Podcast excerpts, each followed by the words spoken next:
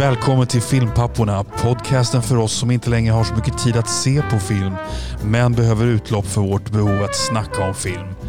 I detta snack kan spoilers förekomma för främst äldre filmer, men vi varnar alltid först. Podden är möjliggjord av den fantastiska redovisningsbyrån Ekonomihjälpen som ni kan läsa mer om på ekonomihjälpen.se. Och nu till Filmpapporna.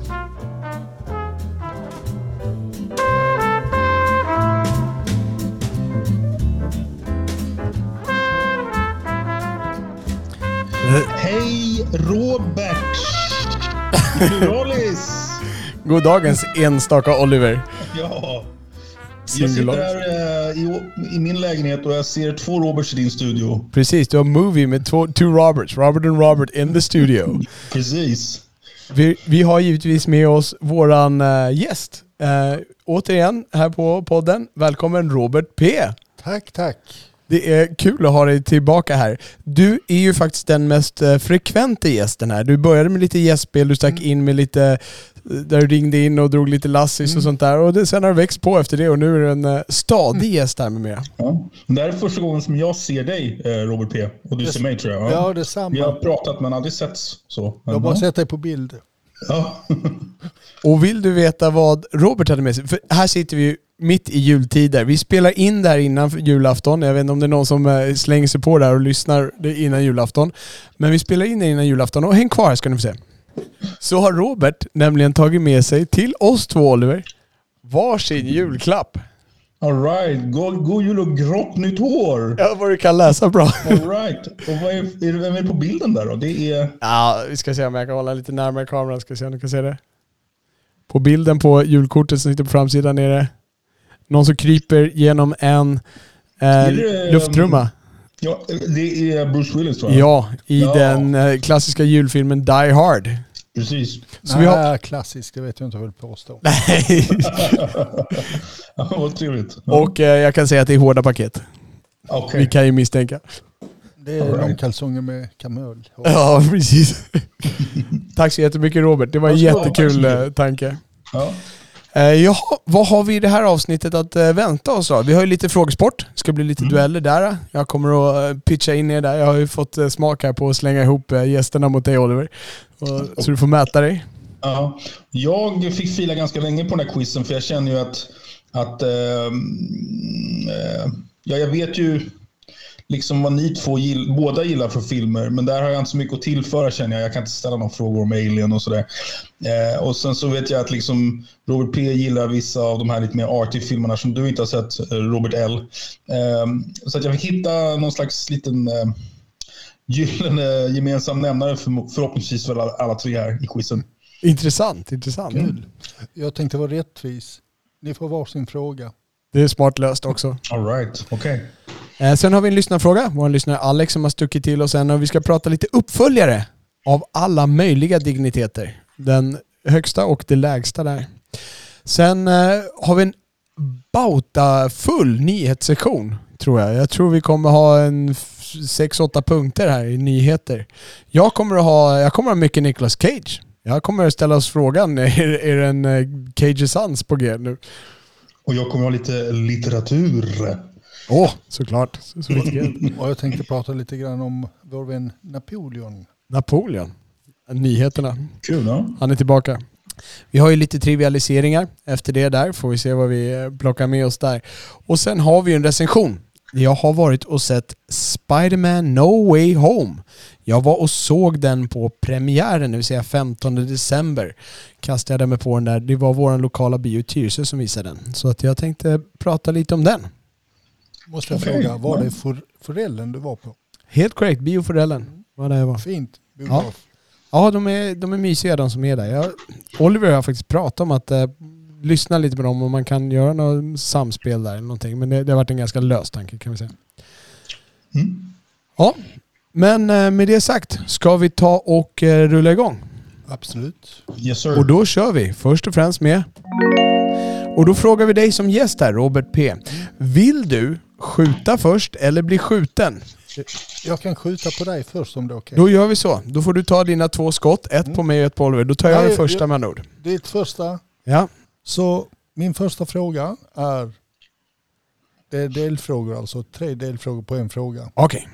Vem spelade USAs motsvarighet till James Bond 1966 och 67? USAs motsvarighet till James Bond 1966 och 1967. Ja. Så USA har en motsvarighet till James Bond. ja. Och eh, då måste jag först lista ut vem det kan vara från 66 och 67. Jag tror du överskattar min eh, gamla...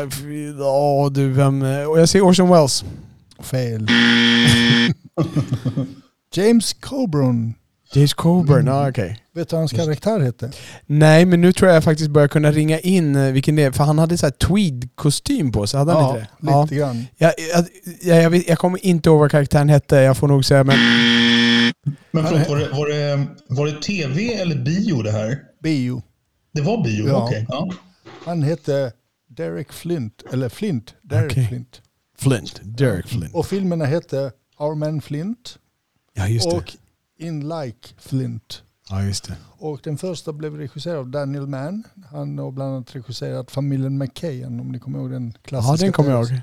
Den låg mig varmt om hjärtat ett tag. Och sen eh, tvåan regisserad av Gordon Douglas som gjorde en science fiction-film som heter Them om gigantiska jättemyror. Blev de populära de här filmerna? Nej, Nej. det Okej. tror jag inte. Nej, Men det är samma tjejtjusar-Bond och allting. Så allt var inräknat. James Coburn var ganska cool, tycker jag. Ja, ja jag gillar Ja. James Coburn. Jaha, Mm. så jag bommade totalt.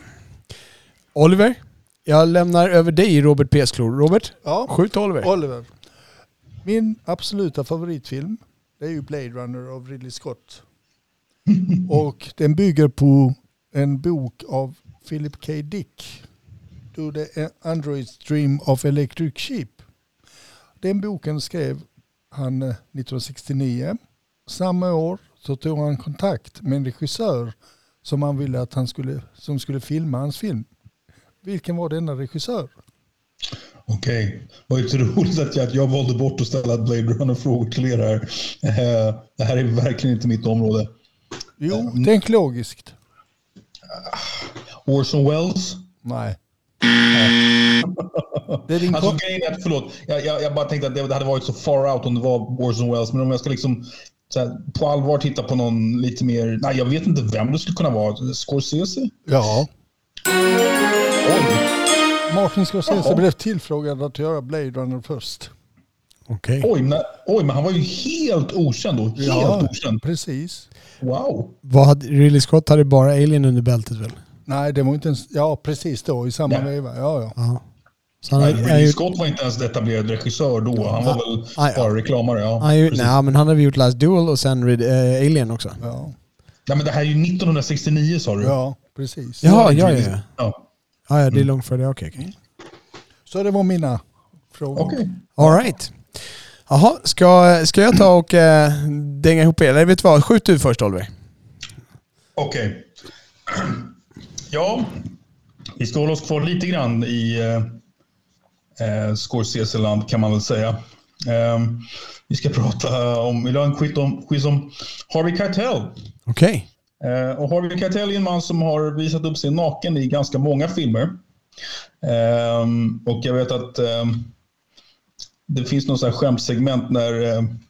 David Letterman skojar och säger “Here's the complete guide to all the movies where Harvey Keitel shows his ass”. Eh, och nu har vi här, jag har valt ut tre filmer i kronologisk ordning. Eh, och ni ska identifiera vilka han var naken i. Så de tre filmerna är Bad Lieutenant, The Piano och Ulysses Gaze. Vänta, nu förstår jag Eh, inte och då gör vi så här, då gör vi så här, då gör vi så här. Ni får... Eh, ni, ni, behöver liksom, ni kan bägge säga era svar så Okej, tar vi därifrån. Jag har mina svar klara. jag också. Okej. Okej. Vilken Robert ska säga först? L eller P? Eh, börja med L eftersom han är till vänster. Okej, okej. Då är det så här. Det är de två första. Jag visste att han var naken i Bad Lieutenant och i The Piano. Den tredje har jag ingen aning om, så jag gissar att han inte är det. Så jag gissar att han är naken i de två första. Och vad säger Robert P? Jag instämmer på det svaret också. Okej. Rätt svar är att han var naken i alla tre. Jag skulle ha känt dig Oliver. Ja, Jag vet i pianot så visar han arslet. Ja.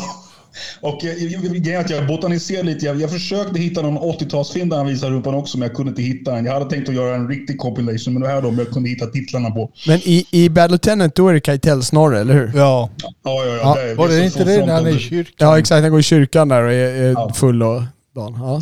Och sen var han Precis. inte naken i den här Holy Smoke, eller vad den heter. Ja, det är han också. Nu när du säger det. Jag tror han är naken även i den faktiskt. Och vad heter den där med hon eh, med Kate Winslet som hon Ja. gjorde efter Titanic? Ja, det är Ja, är Holy det Holy Smoke. Smoke? Ja. Ja. Okej.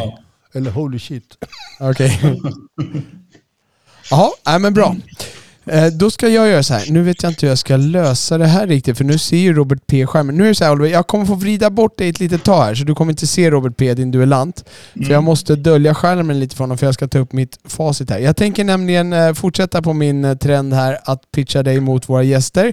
Och du kommer få en, ni, ni kommer få en skådespelare. Okej. Och så kommer vi le- leka Last Man Stanton, som den kallats på Doug Loves Movie-podden här, där de har massa filmlekar.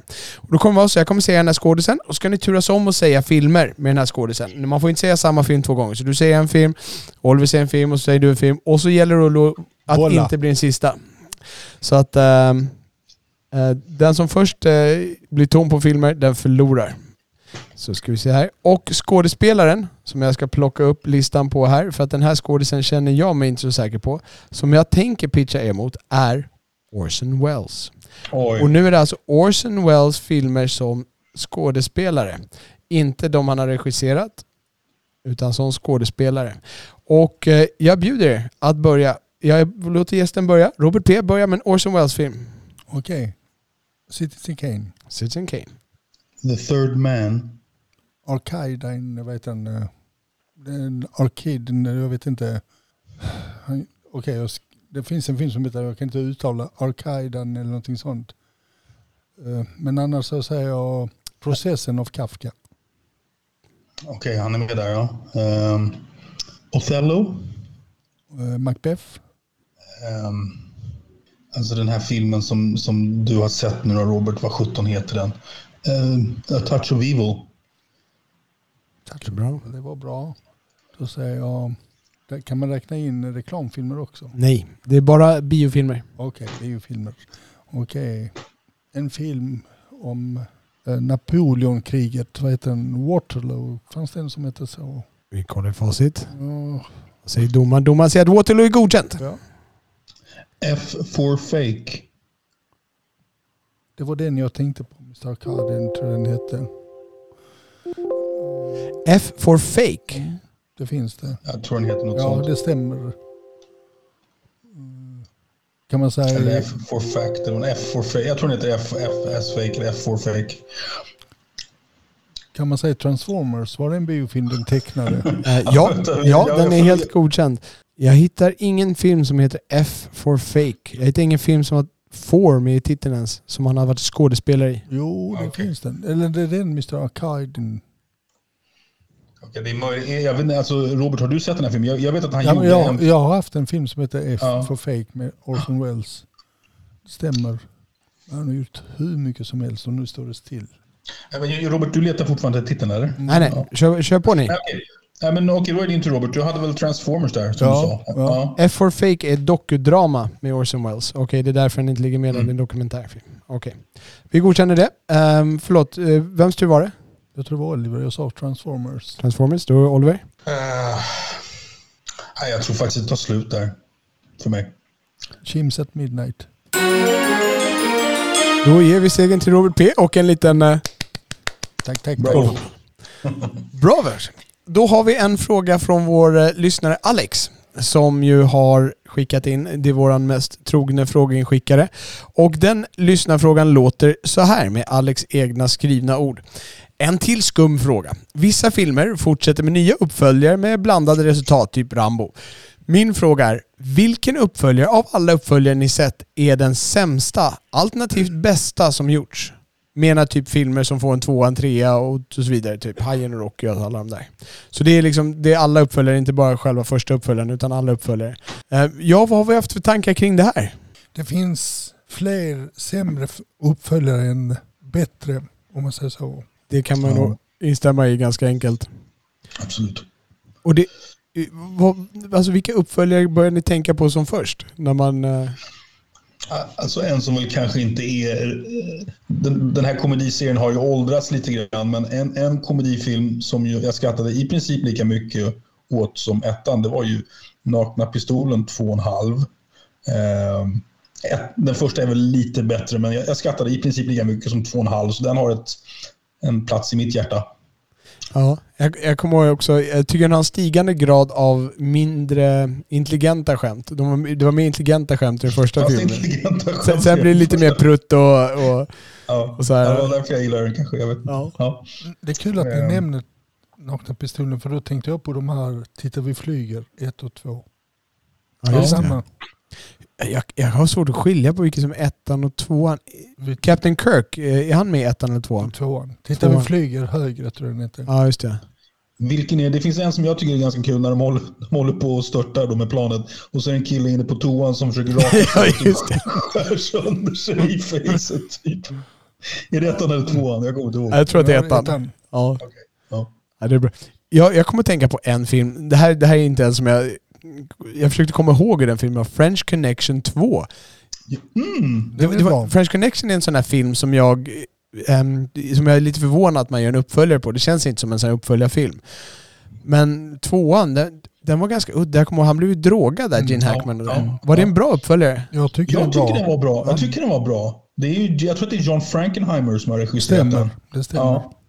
Eh, Väldigt och- annorlunda från den första filmen. Också. Ja, ja men det, det är en väldigt bra uppföljare, tycker jag. Ja. Slutet är jättebra. Poängen där. När han tar fram sin lilla picka. Då, Mm. Kommer ni förresten ihåg vilken var den första filmen som hade siffran 2 i sig som för en uppföljare? Då, alltså? Var det Jaws? Helt rätt. Ja, just det. Jag trodde jag tagit det. Berättade det någon gång. Ja, jag har hört det. Skulle se om det satt kvar i minnesbalken. Så Jaws var alltså den första som hade en tvåa. Vi hade Gudfadern 2 innan, men det var ju två romersk 2 där. Två i. Ja, just det. Jag gillar ju... Rocky 2, nej, Rocky är också med i romerska va? Ja. Ja. Rocky 2 är ju ganska bra, tycker jag. Eh, den, det, jag vet, det är ju någonting med... Alltså, magin i ettan har ju liksom solkats ner av alla uppföljare och det började väl någonstans redan med tvåan, men tvåan är ändå skickligt genomförd och ganska värmande, eller vad man ska säga. Mm. Jag såg trean nyligen och jag tycker att eh, han är otroligt smart i trean. Och där är ju behållningen Mr T framförallt. Hey fool! Ja. Menar, du att, menar du att Stallone är berättaren smart i trean, eller? Nej men jag vet att han har växt till sig. Han har mognat till. Ja. Ja, pre- det är precis. Han är inte lika dum och, och hänger. Jag tycker han också har ändrat sitt utseende lite grann där. Han har blivit mera tvålfager. Mm.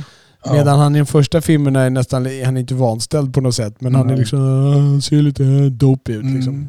Det är, alltså, upptakten till den filmen är, är ganska smart. Det kan jag hålla med om. Att, att liksom, ja, men han han liksom blir ju van vid den här komforten och han har fått massa motståndare som potentiellt är lite skräddarsydda. Och han har fastnat i någon slags illusion. Och så blir han liksom en wake-up call med Mr T. Den, den har en ganska begåvad story i, i början i alla fall. Enkel men den funkar. Ja. Ja, Ja. ja. En, jag måste säga ett par uppföljare som inte finns ännu, men som jag är nyfiken på. Inte så mycket för att jag är nyfiken på att se vad handlingen tar vägen, utan för att jag är nyfiken på att se hur världen kommer ta emot dem och vad som kommer presenteras tekniskt. Det är ju Avatar. Det är ju uppföljare som skulle ha släppts för länge sedan, men det är alltså fyra filmer, ibland ska, eller fem filmer man ska göra nu. Eh, jag kommer inte ihåg om det ska bli fem totalt eller om det ska vara fyra till. Som alltså, i, jag tror han har spelat in stora delar av, i alla fall tvåan är ju givetvis klar, men eh, eh, de andra filmerna tror jag han har spelat in mer eller mindre avtagande Mm. mängder till.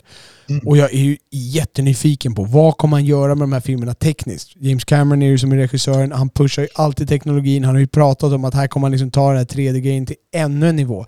Avatar, det blev ett landmärke. Dels var det ju den, en av tidernas mest inkomstbringande filmer, men också tekniskt så lyfter den ju ribban. Och det kommer hur många 3D-filmer som helst efter det som skulle rida på den här vågen, men ingen kunde ju leva upp till den nivån som de höll i den filmen. Jag är ju jättenyfiken. Jag kommer gå och se den här filmen. Det kommer vara en skruttrulle. Jag kommer, det kommer inte spela någon roll vad de gör på skärmen. De kan bara springa runt i en cirkel. Bara få se vad han har gjort med teknologin. Liksom. Men det är kul Mm. att du nämner Cameron. Han är ju så mycket inblandad i med Terminator och Aliens till exempel. Mm. Så det är, Jag kan tänka mig att, att Alien som uppföljare är en contender hos er, hos er båda. ja, ja, den är, det, men man, kan, man, man måste skilja mellan Alien och Aliens. Ja, ja, absolut. Och det, jag tänker på, det, jag är glad att ingen här har sagt Terminator 2 ännu. Nej, jag var på väg men Men du, jag, jag tror jag, att... jag, gillar den. jag gillar den jättemycket. Jag hör ju till dem som såg Terminator 2 innan jag såg den första. Ja, just det. Eh, och jag såg den på bio. Och när det begav sig var ju det där de häftigaste specialeffekterna ever seen 91. Som jag minns det. Så jag blev helt medtagen på Terminator 2. Så att, eh, och tyckte den var skitspännande och bra. Och eh, det var vissa så här, som jag minns det var det var vissa så små detaljer som var lite svåra att hänga med i på grund av att den refererade till en del i, från ettan och sådär. Eh, Men faktum är att Terminator 2 det är, det är min vinnare. har du sett den sen dess igen? Nej, det har jag faktiskt För inte. det, finns en director's cut på den som är mycket bättre än den som gick på bio. Okej, ja. Och då undrar jag, när du säger Director's Cut, hade inte James Cameron final say när det begav sig? Eller var det bara att han la till 15 minuter till för att klämma ut lite pengar? Eller? Det var det med mer utfyllnad tycker jag. Det finns en scen där, om man ska spoila lite grann, det är när eh, de tar ut chippet från Arnold och de ska ta i, slå i sönder det till exempel. De sitter Okej. framför en spegel Ja, va? ja. Ja, just det. Det klippet finns ju på YouTube där också. Men jag vet, ni som är så här, du är ju ett fan av ettan vet jag Robert, så att du, du är ju inte så förtjust i tvåan. Nej, det är jag inte. Men om jag ska gå in på den som jag tycker är den bästa uppföljaren, så var det ju Untouchable. För att jag, om man säger så här tekniskt sett så borde jag egentligen säga Gudfadern 2. Men, för det, det, är, det är den bästa filmen som är en uppföljare. Men jag har vält en annan film som bästa uppföljare av andra anledningar. Och jag tänkte på, Gudfadern 2, var inte det från samma bok som ettan? Eh, Eller är det en annan bok? Ja, Gudfadern 2 är ganska fristående. Den är det, okej. Eh, Den, den bygger inte på någon bok. Jag vet inte om Mario Puzo eventuellt var med på manuset, men liksom, det finns bara en roman som och det är Gudfadern. Som Gudfadern-filmen bör- bygger på. Och Mario Sen Puzo är givetvis författaren till Ja. Gudfadern. Ja. Sen har ju Mario Puzo gjort lite spin-offs åt andra hållen. Han gjorde ju Sicilianaren som, som blandade in Michael Corleone. Och, och det finns lite sådana där offspins i böckerna, men, men de här Gudfadern 2 och 3 som filmer bygger inte på några böcker. Så trean är inte Mario Puzo då?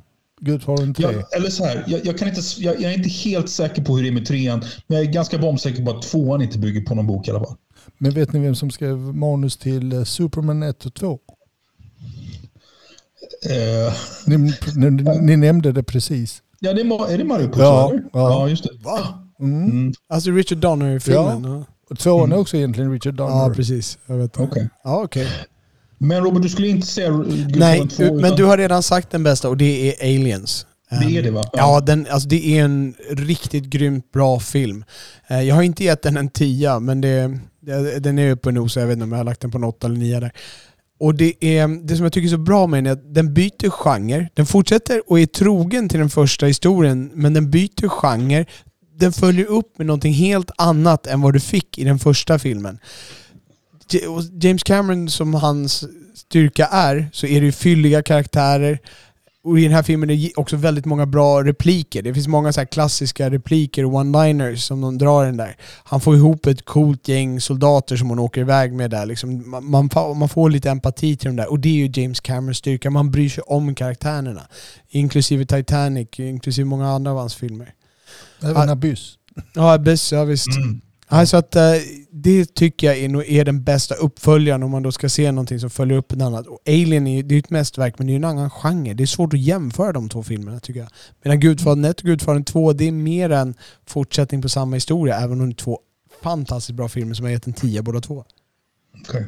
Och eh, Robert P, vad säger du då? Jag är inte så stor fan av Star Wars. Jag gillar Star Wars men inte så stor fan. Då väljer jag Empire Strikes Back. Den gillar jag bättre än den första Star Wars-filmen. Ja, jag kan ju bara instämma. Mm. Jag håller ju det som den bästa Star Wars-filmen själv. Den sämsta för mig var riktigt enkel. Det, det finns ju bara en film som är... Det finns en uppföljare som är så jävla... Den besuddlade och förstörde de andra filmerna för mig. Den dödade allt mitt intresse för Star Wars och det är givetvis Episod 9. The Rise of Skywalker. Alltså jag, jag, trodde, alltså jag trodde inte att någon film kunde förstöra det där. Liksom men, nej, det, jag, jag har svårt att... Jag, jag kan inte få upp intresse för Star Wars igen. Efter Nej. den filmen. Och jag säger Sicario 2. Ah, just det. Ehm, Det, det är som en, det, alltså den är så dålig. Det, det är som en B-film. De bara, alltså storyn är så dåligt berättad. Den, är liksom, den har några helt osannolika grejer. Den är helt ologisk. Eh, och de tror att de bara liksom kan leva på att Benicio del Toro är lite, är lite cool. Liksom. Ja. Eh, ja, den, är, den är så fruktansvärt dålig. Den, Ja. Jag vet inte om de hade någon eh, plan på att göra en serie den där. Det känns ju som på slutet när, när de träffas känns som att det finns upplagt för att det skulle kunna tänkt att de skulle dra vidare på en trea liksom. Ja, och by all means, gör en trea, men gör den bättre då. Alltså, det, det, upptakten, ni kan, det här kan vara en skitdålig upptakt till en bra film, men det, det kommer inte bli en bra film det heller, ty- tyvärr. tror Nej, jag. jag tror att de la ner det efter, Ja. efter den här filmen. Vad har du för... eh, När jag tänker här. Eh, jag nämnde ju Empire Strikes Back och den var ju regisserad av Irvin Kershner. Och då tänker jag ta en Irvin Kershner-film som är skitdålig som en uppföljare och det är Robocop 2. Oh. Åh, Det- ja. Ja. Den, Den är var, dålig. den är fruktansvärt dålig. Den Ja. första är en riktig kultfilm men tvåan den håller inte på... Nej. Tvåan är väl, det är väl en riktig våldsorgie? Ja, exakt. Eller hur? Ja. Och det, den, den, den tappar ju all intelligens och all finess i samhällskritiken Mm. som den första filmen har. Den, den första är ju våld, extremt Ja. våldsam också, men där finns det en tanke bakom. Det är inte Mm. bara grå, gott, det, är inte bara gotta sig det. Mm. Verhoeven hade en liten hjärna så därför är jag besviken på Irvin Kershner i Robocop 2. Alltså Mm. Irving Kershner har han gjort någonting bra förutom Empire Strikes Back. Han gjorde en film med Faye Dunaway där John Carpenter skrev manuset. The Eyes of Laura Mars heter den. Den har jag faktiskt sett. Den var ganska spännande. Mm. Den var ganska spännande, Mm. det minns jag. Det är med Tommy Lee Jones också, eller? Ja, exakt. ja. ja. Så, och sen gjorde han en film som heter Horse Return. Det är också en uppföljare av en indianfilm som heter Horse, A Man Called Horse. Och då Han- gjorde han uppföljaren. Det är han som går in och köra tvåan alltså. Ja. Han gjorde det bra en gång i alla fall. Ja. Jaha. Ja, men då har vi ringat in våra skitfilmer och våra. Hoppas du är nöjd med svaret Alex. Det var kul att få, få dra igenom de här äh, filmerna och så fick jag en gång slänga lite skit på episod 9. Det är värt det. Alex, du kommer få en biocheck av oss för när, ni kan skicka in era lyssnarfrågor till oss och den som vi läser upp belönar vi med en biocheck. Ni kan skicka in Alex, dem... Alex, du är värd alla biobiljetter du får. Hoppas du har vaccinpass nu för du har biobiljetter för tre år framåt. Nej, ja men det är jättekul. Ni kan lämna de här till oss på kommentarerna på vår hemsida, kommentarsfältet under vilket avsnitt som helst. Ni kan bara gå in på ett gammalt om ni så. Ni kan lämna dem på Twitter, att filmpapporna är vi där. Så ser vi till att plocka upp dem. Och med det slänger vi oss över till veckans fullpackade sektion med filmnyheter. Vi kan ju nämna det lite grann här, nyheter och nyheter. Vi är alla mer eller mindre lite rossliga, men vi är inte så farligt rossliga. Du har coronatestat dig, Oliver.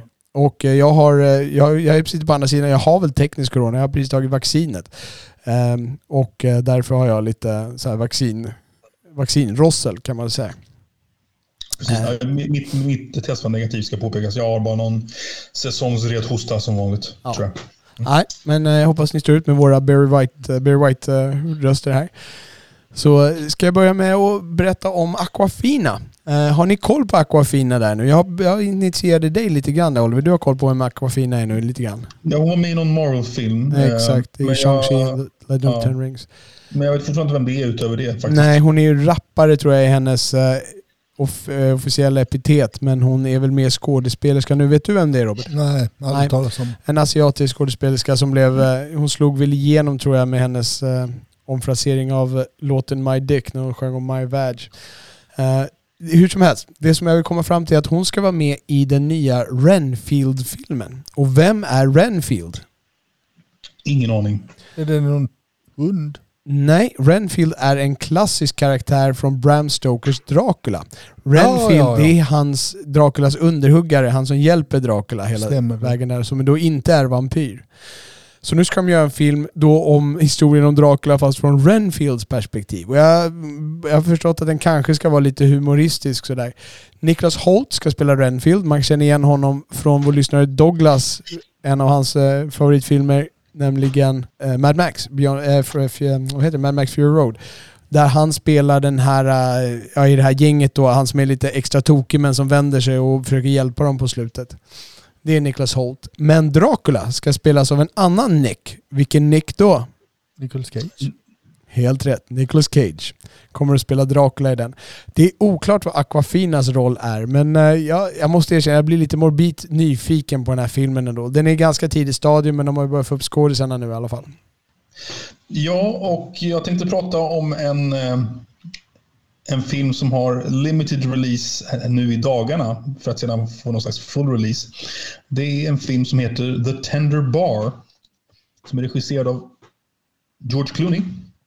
Eh, och eh, det här är då en eh, det är en film som bygger på en bok som jag tycker väldigt mycket om, The Tender Bar. Eh, som är skriven av J.R. Moringer. Och varför känner jag till denna bok? Jo, för att J.R. Moringer, han, han skrev André Agassys självbiografi Open.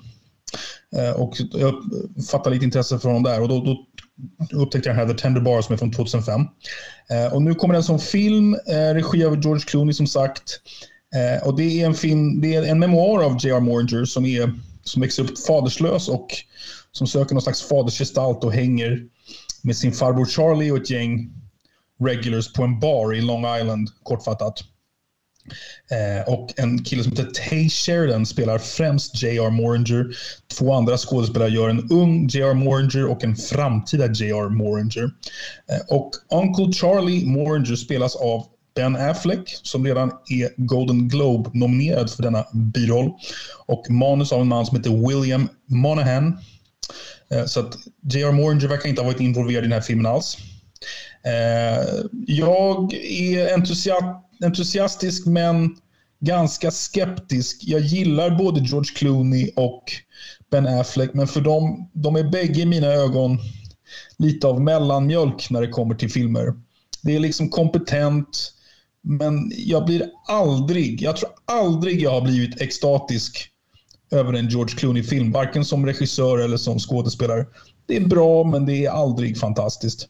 Och den här filmen, så den här, skulle den släppas begränsat här i Sverige? Eller var det i USA? Nej, det var på Amazon till att börja med. Ja, det är på ja. Amazon, okej. Okay. Ja. Så man kan se den på Amazon. Amazon. Ja, om det var Amazon Prime eller något sånt. Det var, det var något jätteintrikat system. Någon slags full, totalt tillgängligt stream, det var inte förrän i början på januari. Mm.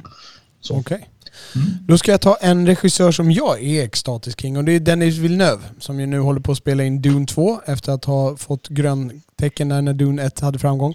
Han har redan börjat hinta lite på vad hans film efter Dune 2 kan bli och han siktar på uh, Rendezvous with Rama. En okay. berättelse av Arthur C. Clarke. Och jag vet att Robert P vet. Jag tittar på det. Arthur C. Clarke, vad har han skrivit sig? Och titta på det Oliver. Jag har ingen aning. Det är han som skrev? 2001. Ja. The Space Odyssey. Han var med och skrev ah, okay. manuset till den. Och sen han, han är en författare, en science fiction-författare. Han skrev boken också 2001. Precis. Okej, okay, okej. Okay. Han måste vara jättegammal eller? Han är död. Jaha, okej. Okay, ja, ja, precis, så det är en av hans gamla böcker som ska mm. filmatiseras. Ja. Så sen, eh, han har även skrivit eh, 2010, som ju blev en film.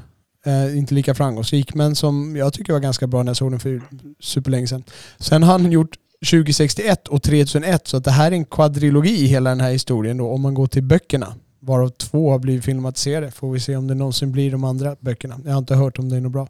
Men det är i alla fall Dennis Villeneuves projekt som han siktar in sig på efter det här. Så han håller sig kvar på sci-fi spåret som han slog in med Blade Runner, sen Arrival och nu Dune och Dune 2. Så nu ser han ut att börja nischa in sig som en sci-fi regissör efter att ha börjat med film som Prisoner som du rekommenderar för mig som var en jättebra film och en del andra lite mera jordnära filmer. Eh, ja, en författarinna som heter Anne Rice har dött, 80 år gammal. Vet ni vem hon var? Jag känner igen namnet. Vem var det? Vampyrens bekännelse, va? Ja, hon skrev alltså The Vampire Chronicles. Eh, som ju handlar om den här karaktären Lestat de Lioncourt, mm. en adelsman som blivit vampyr. Och intervju med eh, en vampyr, vad heter intervju, intervju with the Vampire, det var hennes debut då, 1976. Mm. Det var den som filmatiserades med Tom Cruise och Brad Pitt och Anthony, Anthony Banderas av eh, Neil Jordan. Neil Jordan. Ja, den filmen tycker jag väldigt mycket om. Eh, och eh, sen så kom även en filmatisering som hette Queen of the Damned med Stuart Townsend och Alia i sin sista filmroll. Och det är då en mishmash av två av de här vampyrböckerna. Eh, den filmatiseringen tog Rice avstånd från, tyckte den var urdålig. Eh, men hon har dött 80 år gammal. Vilken var hon sa du? Hon var inte gammal. 80. 80, 80? Ja. Var hon så gammal? Jag tror inte hon var ja. så gammal. Nej. Oj. Tiden flyger när man sitter och har barn. Ja. Jag kan eh, jag kan ju säga det, jag, jag gillar de här olika nivåerna vi har på våra nyheter. Oliver kommer med de här liksom gamla för- författarna och de här intellektuella filmerna. Och här Ja, det, kommer, här var ju, det, här var ju, förlåt, det här var ju ingen fin kultur. Det här Nej, jag, alltså- jag förstår, men det är ändå, det är ändå liksom så här bakgrundsgrejerna där hon som skrev den här boken och bla bla. Det jag kommer med här, Moonfall, den här i filmen eh, om när månen typ attackerar eller ramlar ner på jorden.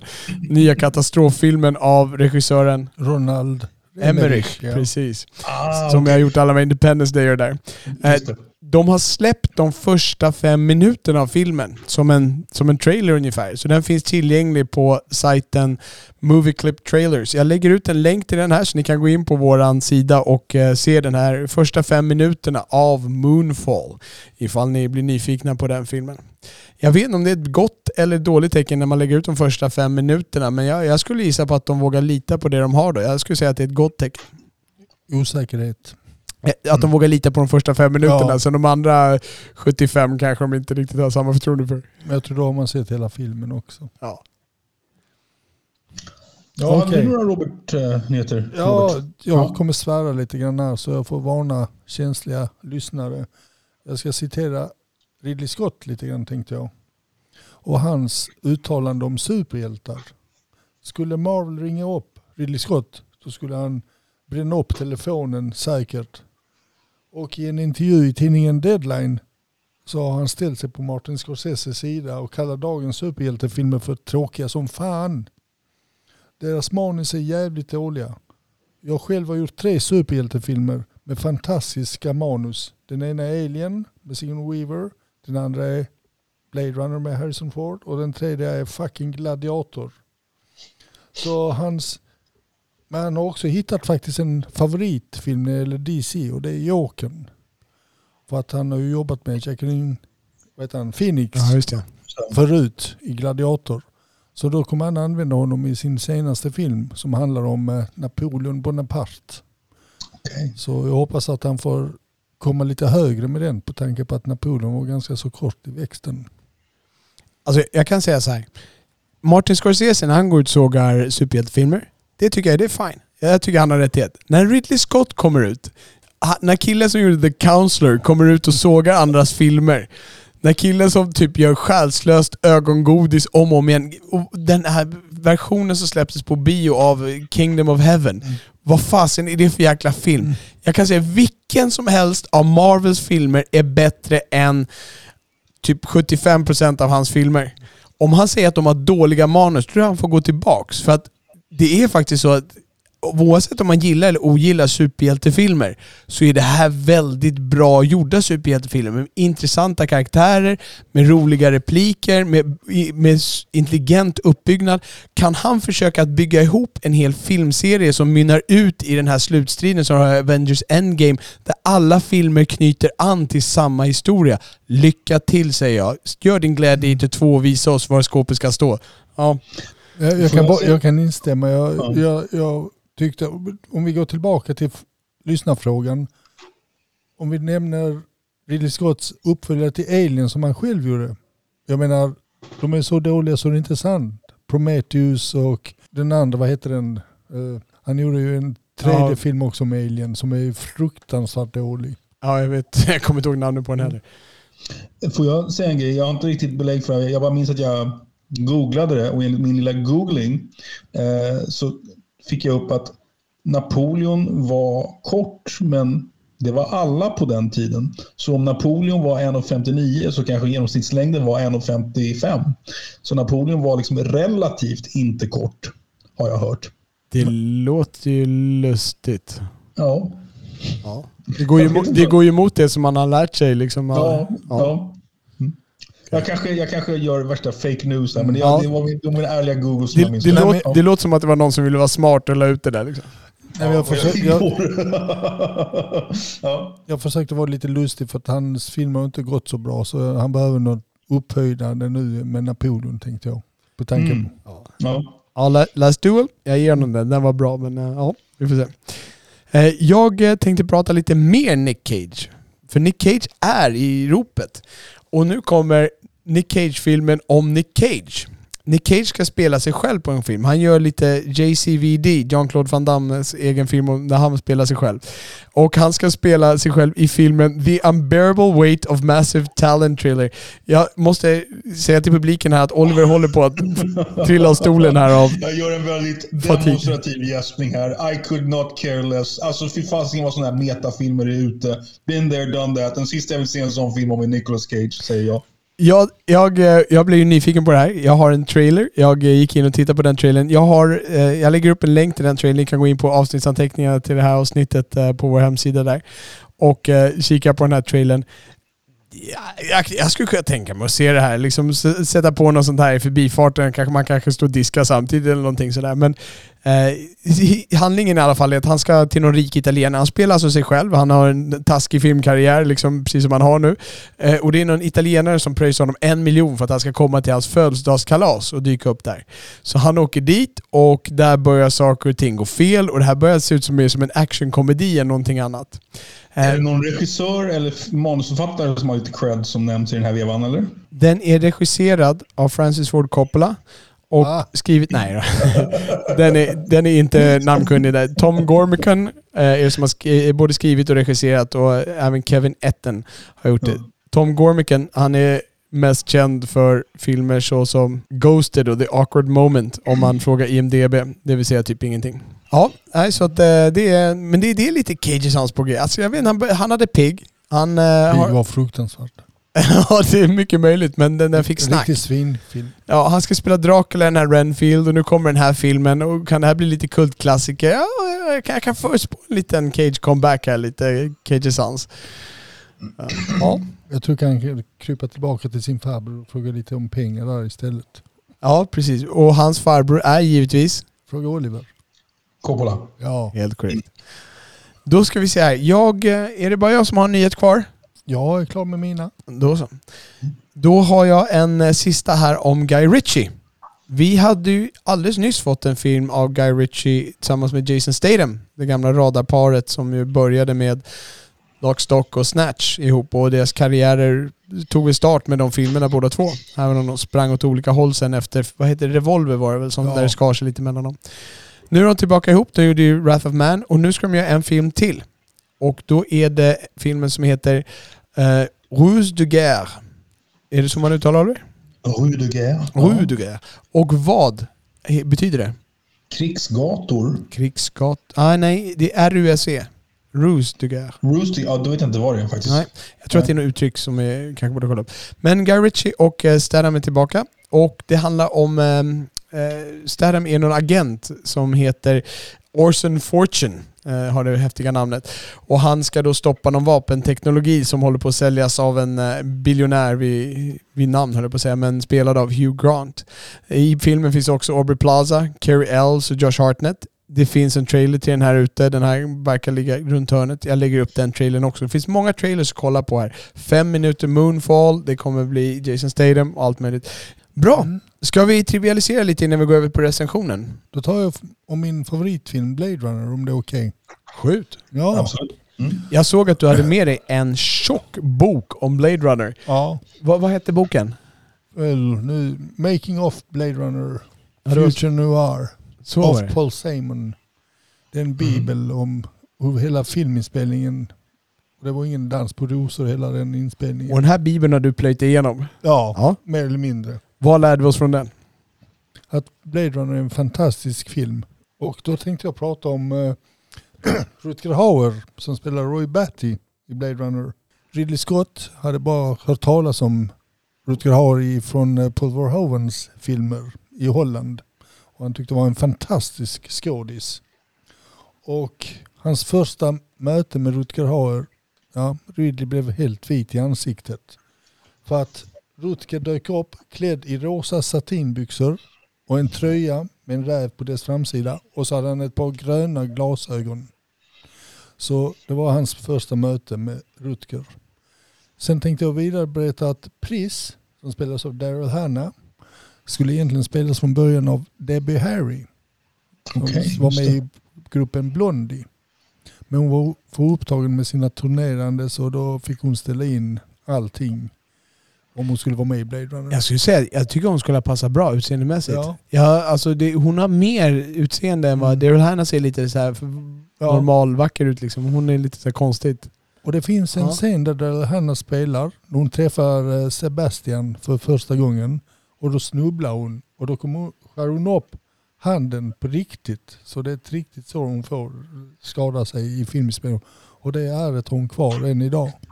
Aha, lite som Leonardo DiCaprio i Django. De behöll ju det också där, Ja. att han gjorde lilla handen. Ah, ja. Så det är en del av mina trivialiteter om Blade Runner, lite kortfattat. Cool. Alltså, jag hade ingen aning om att hon, eh, hon var uppe för rollen där. Jag, nu blir jag nyfiken. Jag, jag tror att det hade varit mycket bättre Mm. faktiskt. Eh, Deborah Hanna. Jaha Oliver, vad har du att ta med dig? Jo, jag har hittat en liten, eh, inte alltför långsökt länk mellan filmen Taxi Driver och sitcomen Family Ties. Med Michael J Fox, Fem i familjen som hette i Sverige. Heter det? Ja. Ja. Minns du Fem i familjen, Robert? Ja, ja, ja. Ja. Får, Ja, får, det- får, får, jag, får jag bara ställa en fråga innan vi går vidare på din trivialitet? Ja.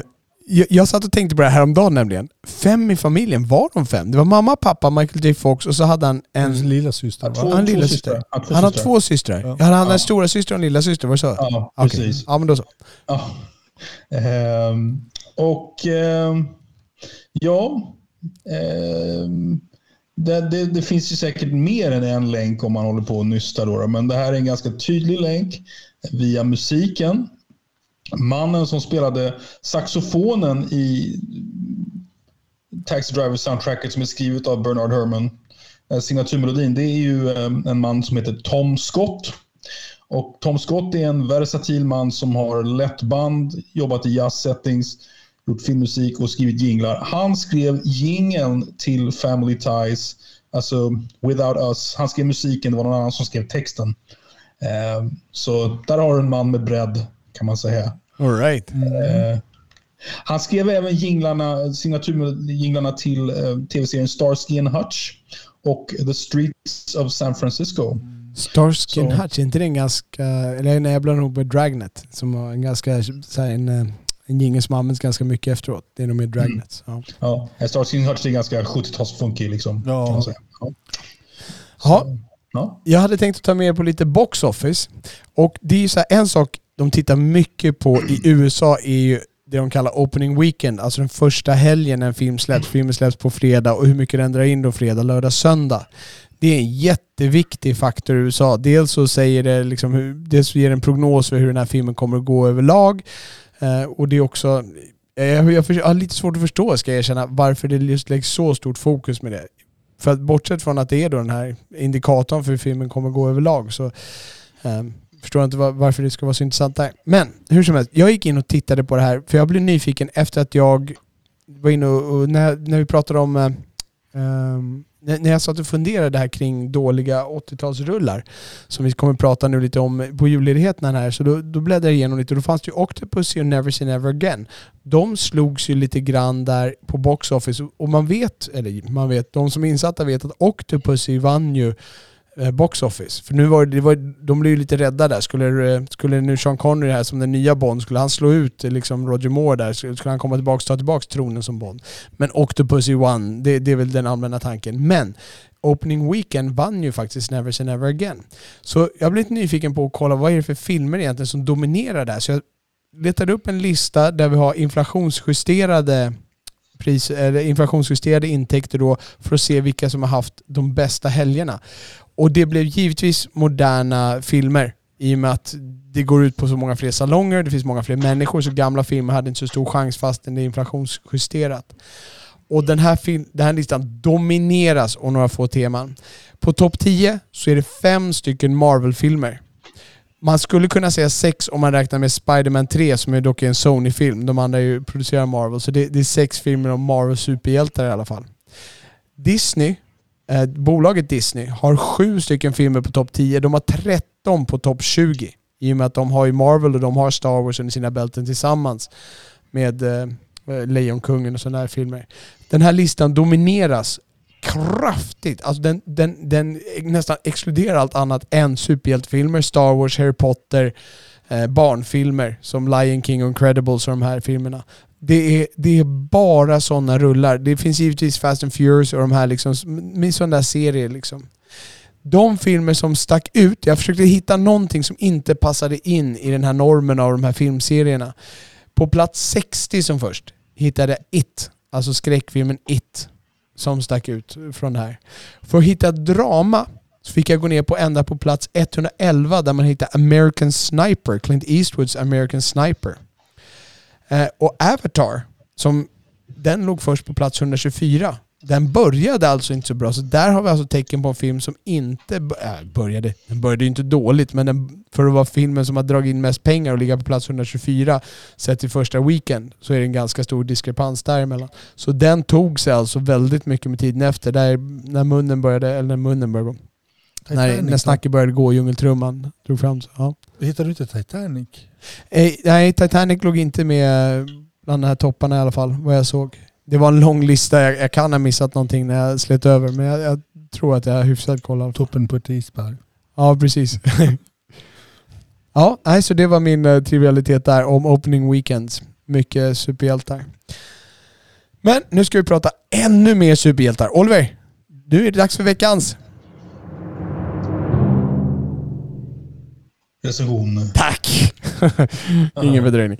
Uh, vi har, uh, vi har sett, jag har sett Spiderman No Way Home. Du har inte sett den misstänker jag Robert? Den nej. hade ju premiär den 15 december. Jag sprang iväg på premiären som jag sa här på bioforellen här i Tyresö. Vilken, om man, om man liksom börjar med den första Tobey Maguire-filmen, hur många Spiderman-filmer är vi uppe i nu? Tobey Maguire gjorde tre Spiderman-filmer. Sam Raimi.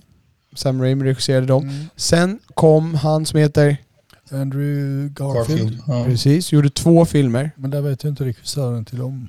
Här är det nu Tom Holland som gör de här filmerna. Det här är hans tredje film där han ensam är Spiderman. Sen har han som Spiderman figurerat i andra Marvel-filmer. Men det är hans tredje e- enskilda Spiderman-film. Så det här är åttonde med Spiderman i fokus? Kan man säga. Och ja. det är intressant att du börjar med den frågan. Jag kan inte helt förklara varför det är intressant, men eh, låt, mig, låt mig få vara sådär mystisk och börja prata lite om det. För det, det, är svårt att prata om den här filmen utan spoilers, och jag, det, jag kommer gå in lite på varför. Handlingen i den här filmen är att eh, i förra filmen så var det superskurken Mystico. Han eh, spelade in en filmsnutt där han avslöjade att Peter Parker är Spindelmannen. Och därtill fick jag många att tro att eh, det var han som var hjälten och det var Spindelmannen som var skurken. Liksom, att han bara försökte rädda världen och Spindelmannen kom och mördade honom ungefär.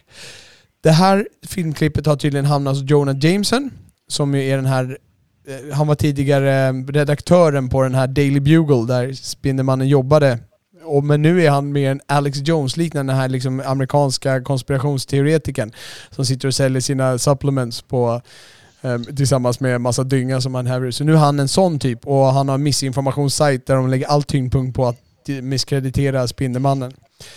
Så det här kändisskapet som nu kommer när världen vet att han är Peter Parker och alla kontroverserna kring det här med Mystico och vem som egentligen var skurk och vem som var hjälte. Det börjar inte bara drabba Peter utan det börjar drabba hans vänner, hans vän Ned och hans flickvän Mary Jane. Så att hans värld börjar liksom komma i gungning. Så vad gör då Spindelmannen? Han går till sin vän magikern Doctor Strange och frågar kan de inte bara åka tillbaka i tiden och rätta till? Nej, det kan de inte göra. Men Doctor Strange kanske kan få alla att glömma att Peter Parker är Spindelmannen med en mäktig trollformel. Och där tar handlingen sitt avstamp i den här filmen. Eh, I den här filmen så den är regisserad av, vet du det, vem som är regisserad? Nej, Nej det är John Watts. Han är inte känd för så mycket annat än att ha regisserat de tidigare två Spindelmannen-filmerna med Tom Holland. Han har gjort lite videos tidigare med Fatboy Slim och Swedish House Mafia. Men eh, han kommer tydligen att regissera Fantastic Four-rebooten som ska komma här nu snart. Eh, vi ser också Tom Holland givetvis, eh, charmiga Tom Holland. Benedict Cumberbatch som spelar Doctor Strange i den här filmen. Vi ser Zendaya som eh, nu börjar komma mer och mer upp på tapeten. Hon spelade ju även en märkbar roll i Dune. Där hon, eh, där hon var en viktig karaktär. Vi har Jacob Batalon som spelar hans kompis Ned och Alfred Molina, gamla Alfred Molina som kommer tillbaka som Dr. Octopus som vi har sett i trailern och därför vågar jag nämna det namnet. För kring den här filmen är det ju jättemycket rykten om vilka som är med och vilka som dyker upp. Det finns rykten om att det ska vara flera skurkar från de gamla filmerna. För Alfred Molina spelade nämligen Dr. Octopus i filmerna med Tobey Maguire. I Spindelmannen 2 med Tobey Maguire. Så då har de tagit en skurk och en skådis från Tobey Maguire-filmen.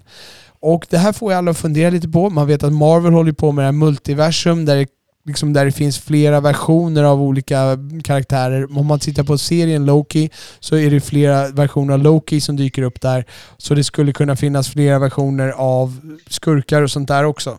Så att det här, här går väldigt mycket rykten och jag ska inte spoila någonting um, vad de här ryktena är. Men det finns rykten kring att man kanske får se någon flash av Tom Maguire. Jag säger inte att man gör det eller inte. Det finns rykten att man får se en flash av Andrew Garfield. Jag säger inte att man får se det eller inte. Uh, men det, finns, det är sådana rykten kring den här filmen i alla fall. Kan jag fråga en sak? Absolut. Är Green Goblin med? William Defoe? Jag låter bli att svara på den uh, frågan för att inte ge spoilers. Men uh, när vi har stängt av mikrofonerna så kan du få en duktig redogörelse. Jag gissar ja. Okej. Okay. Vi har en gissning ja. Eh, så vad tyckte jag om den här filmen? Eh, Tom Holland, han är en riktigt bra skådis, åtminstone i den här rollen. Han är charmig, han är oskyldig, han är så lagom naiv. Eh, och, han, och han kan därtill sälja de här lite mer känsliga scenerna. Jag tror att han är riktigt bra filmstjärnematerial. Det är inte Daniel Day-Lewis vi pratar, utan det är lite mer... Jag tror att här har vi en bra, liksom lite Brad Pitt, lite Tom Cruise, lite filmstjärnematerial. Kanske med en lite, lite mer seriös ådra än vad de kanske eh, har visat åtminstone på senare tiden. Eh, och jag, eh, det ska bli intressant att följa honom. Han är, alltså, han är väldigt, väldigt charmig att titta på. Eh, sen finns det grejer jag har svårt för i den här filmen. Det är hans Spiderman nanoteknologi direkt. Det är så här, han har fått dräkten av Iron Man och Iron Man har utvecklat nanoteknologi och det är typ så här teknologi som bara kan växa på det. Det är typ intelligenta grejer så hans dräkt bara växer på honom. Va, alltså, var, redogörs det i någon av Iron Man-filmerna att han har fått den från Iron Man, eller? Ja, växlande i Iron Man-filmer kan man säga. Alltså Marvel-filmer om man säger så. Okay, de hoppar ju mellan. I Captain America dyker de upp båda två och så vidare. Captain America Civil War ska jag säga för att vara exakt. Och han har liksom i den här dräkten, då får han ut så här spindelben, alltså typ så här sex, sex eller åtta ben liksom så att han får så här stora ben så han kan springa snabbt och hålla emot starkt och sådär. Och det är inte riktigt min Spiderman. Jag, jag får respektera de som eh, vuxit upp med någon annan, men det var inte den Spiderman jag läste när jag var liten. Liksom. Han var simplare, var inte så teknologisk. Så Den biten har jag svårt för. Det var också ganska platta skämt. Alltså de föll platt. Eh, det, det, finns en skådis i den här som jag inte heller kan nämna, lite av spoilers grejer, som får leverera många one-liners. Och det här är en skådis som jag har alltid haft svårt för hans komik. Jag, jag gillar honom som skådis, han kan ju bra seriösa roller, men i den här filmen faller de riktigt platt. Det är nästan så lite, det är inte riktigt, det är inte så jag vrider mig, men det, det faller platt liksom. Sen så, som, det då, som jag sagt att jag surrar om så finns det ju många cameos i den här filmen. Och det är faktiskt det som håller intresset uppe. V vad är det som kommer sådär? För det, det kommer, upp, uppenbarligen kommer Dr. Octopus. Eh, och den, min absoluta favorit, det var redan bland de 5-10 första minuterna. Och det här säger jag till er som antingen har sett den eller när ni sitter och ser den. Det finns en cameo som dyker upp. Jag kallar dem cameo lite i citationstecken. Det är alltså karaktärer som man kanske inte riktigt hade väntat sig. Det dyker upp en karaktär de första 5-10 minuterna som gjorde mig riktigt glad. Det här är en karaktär som jag eh, gillar mycket i det som jag tidigare sett karaktären i. Så tänk på det när ni tittar på den här om ni känner igen honom när han dyker upp. Nu avslöjar jag könet i alla fall. Filmen i sig, första akten så är det ganska intressant. Det, det händer grejer, man vet inte vart det är på väg och det, det, det är roligt, det, det händer mycket. Sen blir andra akten ganska seg och pratig och jag, jag kommer på mig själv med att sitta och titta på klockan. Jag sitter och undrar liksom vad ska jag, vad ska jag göra här? Liksom, eh, ja, jag sitter och tittar lite. Sen tror jag att tredje akten kommer igång, det blir riktigt drag och sen haltar den upp innan den får drag igen. Um, så ja, och den blir också lite emotionell, mer än jag hade väntat mig. Um, där också i tredje akten. Den är inte helt förutsägbar och det, det ska den ha heder till. Det är någonting som jag uppskattar mycket hos filmer. När jag säger att den här är inte förutsägbar så menar jag inte riktigt så att det är jättestora överraskningar, det är inga chocker, men det är, det är ett par vändningar, det är ett par saker som händer som, som ändå inte ligger i det som jag skulle ha väntat mig från början. Och jag, jag vet inte, när jag, när, jag, när, jag, när jag satt och såg den här så tänkte jag att det här är inte en film jag kommer kunna rekommendera. Men jag, i slutändan måste jag nog förvåna mig själv. Jag måste rekommendera den här filmen. Jag, jag måste rekommendera den här filmen. Jag trodde inte jag skulle göra det. Den, eh, den har pratiga sektioner, den har lama skämt. Men jag faller för Tom Hollands charm och jag faller för de här intressanta, ovanliga händelserna. Jag tycker att det här är en intressant film. Är man i Marvel-universet, då ska ni absolut gå och se den här. Det kommer inte vara den bästa filmen, men det kommer vara Expector den här som man kommer tycka är bra. Men jag, jag, jag måste säga, jag, jag föll för filmen i slutändan. Det är inte så att jag hyllar den, men jag, jag måste rekommendera att gå och se den. Det var en, det var en kul bioupplevelse med intressanta grejer. Tom Holland den bästa Spiderman hittills då, eller? Ja, punkt slut. Vad säger du Robert? Jag har bara sett eh, den första med Tom Holland. Men eh, jag eh, tycker om Tobey Maguire faktiskt. Mm. Andrew Garfield var jag inte så förtjust i men Toby tyckte om. Mm. Andrew Garfield fick en otacksam eh, casting där tror jag. Jag tror inte han var riktigt ämnad för att vara Spiderman. Men jag måste Nej. fråga Tom Holland, är det han som är med i Kingsman också? Nej det är det inte. Du, ja, jag vet vem du tänker på. Jag, ah, jag kommer inte ihåg namnet ja, på honom. För det är också en ung kille. Ja exakt. Nej det är en annan kille. Han är väl britt också tror jag. Ja. Tom Holland är väl... Lock... Nej just det, han är ung. Jag blandar ihop dem. Ja. Den första gillade jag därför att Michael Keaton var med i den första. Ja, så han spelar Vulture i den ja. första där. Ja, Michael Keaton är cool. Jag ska också säga att, eh, det här ska jag säga till er som tänker gå och se den här filmen, ni som inte har sett filmen. I Marvel-filmer så är det känt för att de har sådana här credit stings, det vill säga att det kommer en scen efter sluttexterna. Det här började ju med Iron Man, första Iron Man-filmen, jag tror det var den första som hade det. När Iron Man kommer in och då står, eh, vad heter han? Eh, Nick Fury står där, spelad av Samuel L. Jackson. Och så säger han ungefär, nu är det dags att samla, jag tänkte att vi skulle samla ihop ett lag liksom. Och det var då alla började förstå, wow, det ska komma Avengers. Det var så, wow, jättestort, det var jätteballt då liksom. Sen har det här blivit en tradition och numera så har man ju en mid-credit sting det vill säga en, en som är lite mitt i, i eftertexterna. Och sen har man en after credit sting. Och det, det, är inte alla filmer som har bägge och och sådär utan eh, det här är det som de börjar leka med och det är många som har bägge. I den här filmen ska jag nu, utan att avslöja vad de handlar om, ska jag säga att det finns både en mid-credit sting och det finns en after-credit sting. Och det här, anledningen till att jag vill säga är att mid-credit sting, den är värd att stanna för. Den är rolig och den kommer ganska snabbt in i eftertexterna. Men den här after-credit sting, det var en ren trailer. Ni som kan er Marvel, ni kan ju visa vilken film det var en trailer för. Men det är alltså mer en trailer. Och det, det har inte jag tänkt på att det har varit i någon annan Marvel-film. Jag kan ha missat någonting. Jag har inte sett 100% av alla, jag har sett de flesta. Och jag, jag skulle inte vilja, jag skulle vilja ha satt det ogjort. Jag, jag tittar ju inte på trailers på filmer som jag är nyfiken på eller som jag vill se. Och jag, jag skulle inte vilja ha sett den. Så ni som inte vill se trailers, hoppa över den sista creditstingen. Det är bara en ren trailer. Det är till och med så det, nästa, det står liksom da da da, ja, jag kan inte säga, texten kommer ju upp där liksom i slutet. Skippa den after credit sting. Det är inte värt att sitta igenom texterna för den. Då kan ni vänta tills trailern släpps där ute. Det är ingen scen från den filmen utan det är en trailer från den filmen. Så ja, det var Spiderman No Way Home. Jag måste bekänna någonting. Jag är mer DC. Du är mer DC? Mm. Du vet, jag jag är både AC och DC, men jag är faktiskt också mer DC mm. i den här uh, mm. frågan. Jag gillar Batman och Superman och de där mm. mer. Jag gillar mer Zack Schneiders försök till mörka filmer. Jag uppskattar det visuella som han har där och sådana grejer. Jag, ja, jag gillar det också mer. Eh, det känns lite mer vuxet. Ja, men jag, jag, jag får backa ännu mer. Jag gillar Tim Burtons Batman. Oh. Di, di, di, Michael Keaton som Batman.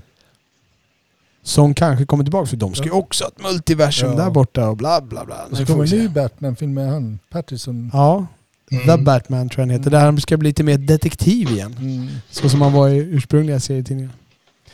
Har du vaknat Oliver? Har du somnat Oliver? Nej, men alltså, det här var ganska intressant Robert. Eh, grejen är att jag är inte så här, jag är inte an, jag är egentligen inte anti såna här filmer rakt av. Det är bara att det är en sån för mig en sån oskiljbar massa med, med skit, höll jag på att säga. Alltså, det är så mycket olika filmer och jag, jag har ingen koll på det. Att det liksom, jag blir liksom lite disgusted av den anledningen. Om det, liksom, men jag, är, jag håller med Robert, alltså, så här, de gamla Batman-filmerna tycker de är skitbra. Eh, på den tiden jag hade lite koll. Liksom.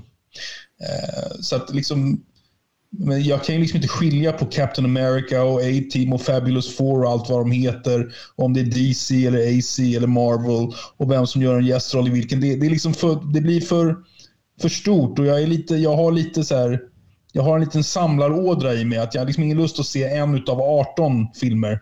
Om du förstår vad jag menar. Lite så. Då, då, då börjar du alltså sitta och titta på alla 25 eller 26 eller vad de är uppe i nu? Nej, precis. Ja. Uh, så, se, se, se, upp det från jobbet, skaffa en uh, DVD-spelare. Ja, men jag tycker du säljer in Tom Holland bra. Jag har ju bara sett, jag har ju bara sett um, Ehm, talkshows med honom egentligen. Uh, och han är ju väldigt ung och pojkaktig. Han är väl en 23, 24, 25 någonting. Uh, men han kan ju säkert mogna och bli en vuxen man på sikt. Och han ska, jag, jag är ju jätteintresserad av att se vad han kommer göra med den här Uncharted-filmen som han får. Det här är ju det här är baserat på tv-spel och sådär. Jag, jag säger inte att den här filmen kommer vara bra, men nu kommer han kliva in i en annan roll. Han kommer axla en, det är inte en Indiana Jones-roll, men en lite mer sån här äventyrarperson. Och se vad han kan göra med den rollen. För nu ska han ju som jag förstår ska han ju spela någon som är lite mer mogen. Medan Spiderman är då lite naiv och oskyldig ung. Så det ska bli mm. intressant att se honom ta sig an någonting sånt där. Och som säger, han, han, kan verkligen sälja de här känslomässiga scenerna i den här filmen. Det, det funkar bra. Jag är imponerad av honom. Jag är mm. Intressant att följa den unge mannen. Det, kommer många bra skådisar. Timothy Chalamet mm. som är mm. från med Dune och The King där mm. på Netflix. Ja, det är många bra skådisar som kommer. Jag säger att vi har en liten renässans. Det är regissörer som börjar blomma upp, det är skådisar som kommer. Ja, ja, jag tror att vi får en våg av, av bra, bra bio, bra filmer liksom som kommer här framöver. Jag hoppas du har rätt. Mm. Uh, ja. Nej men jag kan inte låta bli att tänka på hur fort den här utvecklingen har gått. Jag bara tänker på gamla Batman med Adam West. Kommer ni ihåg honom? Batman i trikå.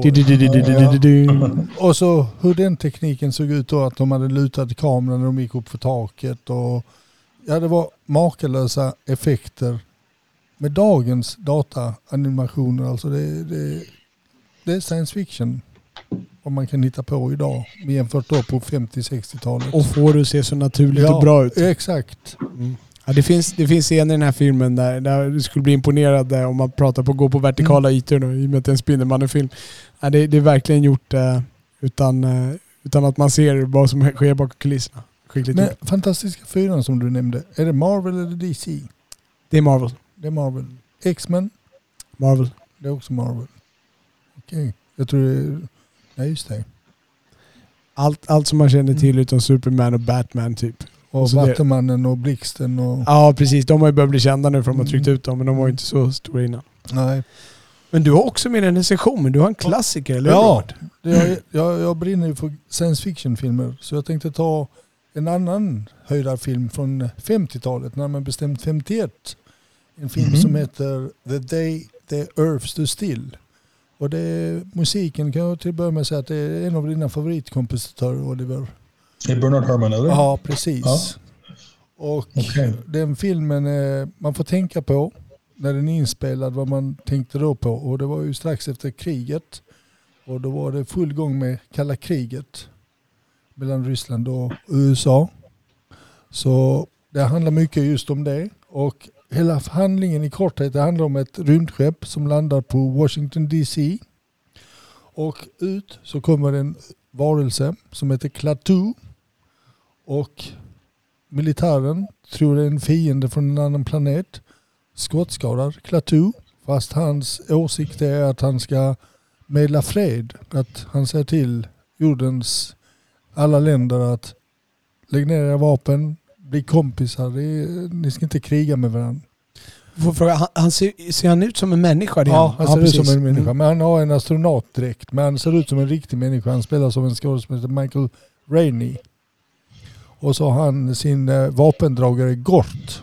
En robot då. En läskig varelse men han ser inte så läskig ut. Som strålar ut laserstrålar. Så lyssnar man inte på hans budskap så kommer Gort ta hand om jorden. Okej, så om vi inte får fred på jorden då, då, då krigar han med oss tills Ja, exakt. Bra. Det är lite handling som...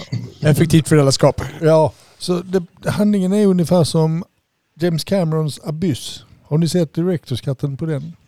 Inte Directors Cut, nej. Mm. För där är det också, om jag spoilar lite grann i slutet, så är ju alien nere i hav, havets djup. Och sköter inte vi människor oss så kommer de här alien ta koll på oss, på mänskligheten. Aha, finns det med i Directors ja. Cut? Aha. Och då gör de jättestora sådana här vågor som kommer att spilla ner hela jorden. Ja precis, för i den vanliga filmen då, då slutar det med att de bara kommer upp till ytan. Liksom. Ja exakt. Så men det, det är budskapet. Och filmen är förresten regisserad av Robert Wise. Han jobbar som klippare till Citizen Kane av Orson Welles. Okay. Mm. Och han har gjort en massa science fiction-filmer. Robert Wise. Okej, och den här filmen fick ju också en remake nu för Ja, precis. 20 år sedan. Ja, Keanu Reeves fick spela den här Gort. Det har varit en ingen stor hit den Nej, Den filmen. floppade tyvärr. Jag kommer ihåg, jag såg den filmen och jag tror jag nämnde det för dig tidigare också att jag, jag, filmen höll ju inte riktigt hela vägen sig själv men det fanns många element i den som jag tyckte var intressanta. Är den här filmen, den gamla filmen, originalet, är den mer helgjuten skulle du säga? Alltså, Ja. Den håller ihop hela vägen? På tanken, man, man måste ju visa hänsyn eftersom den är från 50-talet och då får man tänka hur det var på den tiden. Den är väldigt politiskt korrekt. Det är klart det är dagens film också, det är anpassat efter politik och allting. Det blir nyfiket att se vad blir framtidens filmer nu med pandemin och allting. Men eh, den är tidsenlig. Mm. Okej. Jaha, så en rekommendation på The Earth to Still. The Day the Earth Stood Still. Från 51. Hade den en svensk titel också? Mannen från Mars. Mannen från Mars. Vad bra. Har du med någon eh, rekommendation idag? Ja, jag tänkte att eh, jag gick ju ganska hårt åt George Clooney här i början. ska, du, ska du släta över... eh, Ja, men jag, ska liksom, jag, kan, jag kan lyfta en, en exception to the rule faktiskt. Där jag tyckte jag blev riktigt engagerad i en film. Och det är en film som heter Michael Clayton. Ja just det. Ja. När Han, är, han är en typ av advokat eller vad är han? Är det Sidney Ja. Pollack? Ja, det, är- det, nej, det är inte Sid- Sidney Pollack är med, precis. Ja, Det är en av Sidney Pollacks sista roller tror jag, som skådespelare. Eh, och det är med Tom Wilkinson och eh, hon den här eh, väldigt bra brittiska skådespelerskan, rödhårig, som fick en Oscar för den här filmen. Jag har glömt hennes Hon som namn. spelar Orlando. Ja, exakt hon. Exakt. Ja, ja, ja. Tilda Swinton. ja. Tilda Swinton, Ja. precis. Ehm, eh, George Clooney är någon slags, eh, har ganska låg status på en advokatfirma och är lite så här, får göra lite skitjobben och ställa upp inför eh, ställa upp bland allas mess och syltas in i, i en eh, någon liten konspiration där Tom Wilkinson är en, är en av advokaterna som får ett närsammanbrott eh, för att han har representerat något eh, eh, oetiskt företag har jag för mig. Jag borde minnas storyn bättre. Eh, och eh, så syltas då Michael Clayton in i det här. Eh, och det, det, jag vet inte, det, det, det är liksom... Jag kan inte riktigt sätta fingret på varför jag tycker den här filmen är så bra. Den är ganska, den är ganska standard i hela handlingen egentligen. Men det finns några väldigt bra scener med, med George Clooney där man liksom ser hur, hur han liksom är Alltså han, är ju, han är ju en hjälte i den här filmen, men, man ser, han lyckas ändå förmedla det här lite bittra, uppgivna. Eh, och han har någon scen med sin son bland annat som jag minns väldigt tydligt. Att han liksom... Han har, eh, han har någon bror som, eh, George Clooney har någon bror som är en jäkla fuck-up. Eh, och då, då är det någon scen där George Clooney liksom vill prata med sin son, som han, han är då frånskild pappa, och prata med den här sonen om att jag, jag, jag bara känner in i mig att du kommer inte bli som min, som min bror. Liksom. Och, eh, där och då är, är George Clooney väldigt, väldigt bra. Han är väldigt, väldigt bra i den här filmen tycker jag. Det är väl Så, ganska eh, helgjuten film också. Alltså, den håller sin standard genom hela filmen och har, har en ganska bra atmosfär som den, som den håller kvar utan att vackla. Ja, det, ja det, den, den har, inga, den har inga, inga uppenbara fel på vägen kan man säga. Bra Så. hantverk. Ja, verkligen. Jag, jag tänkte på en annan advokatfilm som när du berättade som påminner om. Paul Newman gjorde en film på 70-talet just så här men där han spelar en avdankad advokat. Mm. Jag kommer inte ihåg vad det heter. The Verdict. eller? Ja, The Verdict. ja, The Ja, Verdict. ja. Exakt. Den, den tyckte jag var jättebra också. Det påminner lite grann om denna. Jag Mm. tänkte, det är inte Grisham som har skrivit manus? Till, till Eh, Michael det- Clayton? Ja, Nej, det tror jag inte att det är. för det låter som Grisham. Ja, det, det, allt med advokater låter Ja. som Grisham. Alltså, har, har han gjort någonting sedan 90-talet? Sen han, han sista när han skrev ett manus direkt för, eh, för, för bio liksom? Eh, Michael Clayton är både regisserad och skriven av Tony Gilroy som jag sen tror gjorde den här dåliga eh, Bourne-filmen med Jeremy Renner. Ja, just det. Mm. Som heter Born Legacy va? Ja. Ja, precis. All right. Men eh, jag tänkte Oliver, när vi pratar om George Clooney, du gillar inte Bröderna Coen? För han har varit med i en massa Bröderna Coen-filmer också. Nej, jag, jag, tycker, jag är inte dunderförtjust i bröderna Coen faktiskt. Det är du inte. Arthur den är ju jättebra med George Clooney. Ja, Jag, har, jag vet väldigt många som gillar den. Jag, har inte, jag blev inte golvad av den. Jag vet inte riktigt vad den har för någon charm som jag inte ser. Jag vet många som tycker precis som du.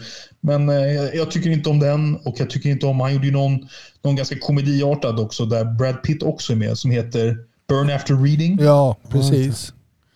Men då vet du vilken din favorit är med George Clooney. Det är säkert Batman. Nej, min favorit är Oman Clayton.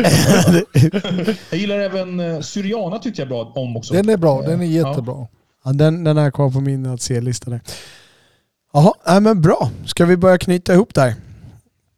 Eh, Ja, absolut. Vi har ju, nu är det ju juletider här, ni som lyssnar på det här. Antingen har ni kastat er över den här precis dagen innan för julafton eller sitter ni på julafton här och istället för att höra Kalanka sitter ni och lyssnar på den här eller också är det strax efter jul. Men vi har ju lite julspecialer som vi släpper här nu. Vi kommer eh, kring nyår här släppa en 80-tals special med vår eh, eh, lyssnare och gäst Fritte.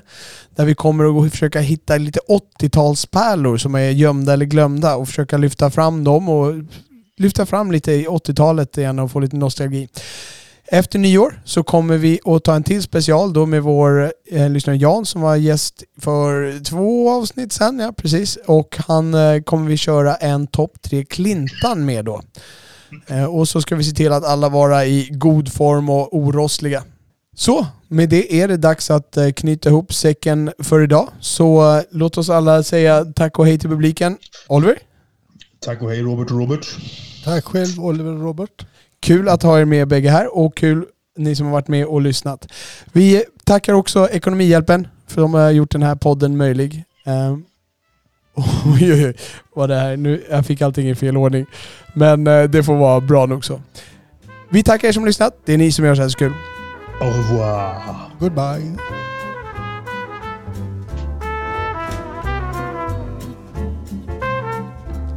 Ni har lyssnat på Filmpapporna som släpps var eller varannan vecka. Man kan ladda ner vår podd i alla vanliga poddappar. Ni hittar också våra avsnitt med fulla avsnittsanteckningar, länkar och klipp som vi talat om på vår hemsida filmpapporna.se. Det är där ni lämnar kommentarer till varje avsnitt med era åsikter, beröm, förbättringstips, korrigeringar eller egna anekdoter. Ni kan också följa oss på Twitter, filmpapporna. Och med det så tackar vi redovisningsbyrån Ekonomihjälpen som möjliggjort denna podd och önskar er alla mörka salonger och så salta popcorn. Grrr.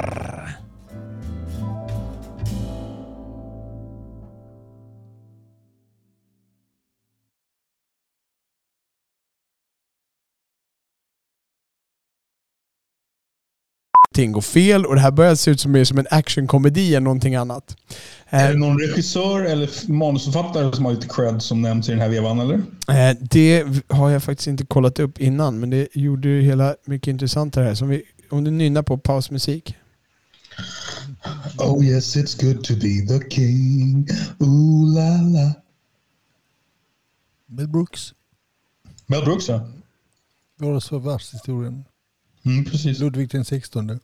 Ja. Den är regisserad av Francis Ford Coppola och Ah. skrivit... Nej då. den, är, den är inte namnkunnig där. Tom Gormican eh, är som har sk- är både skrivit och regisserat och även Kevin Etten har gjort det.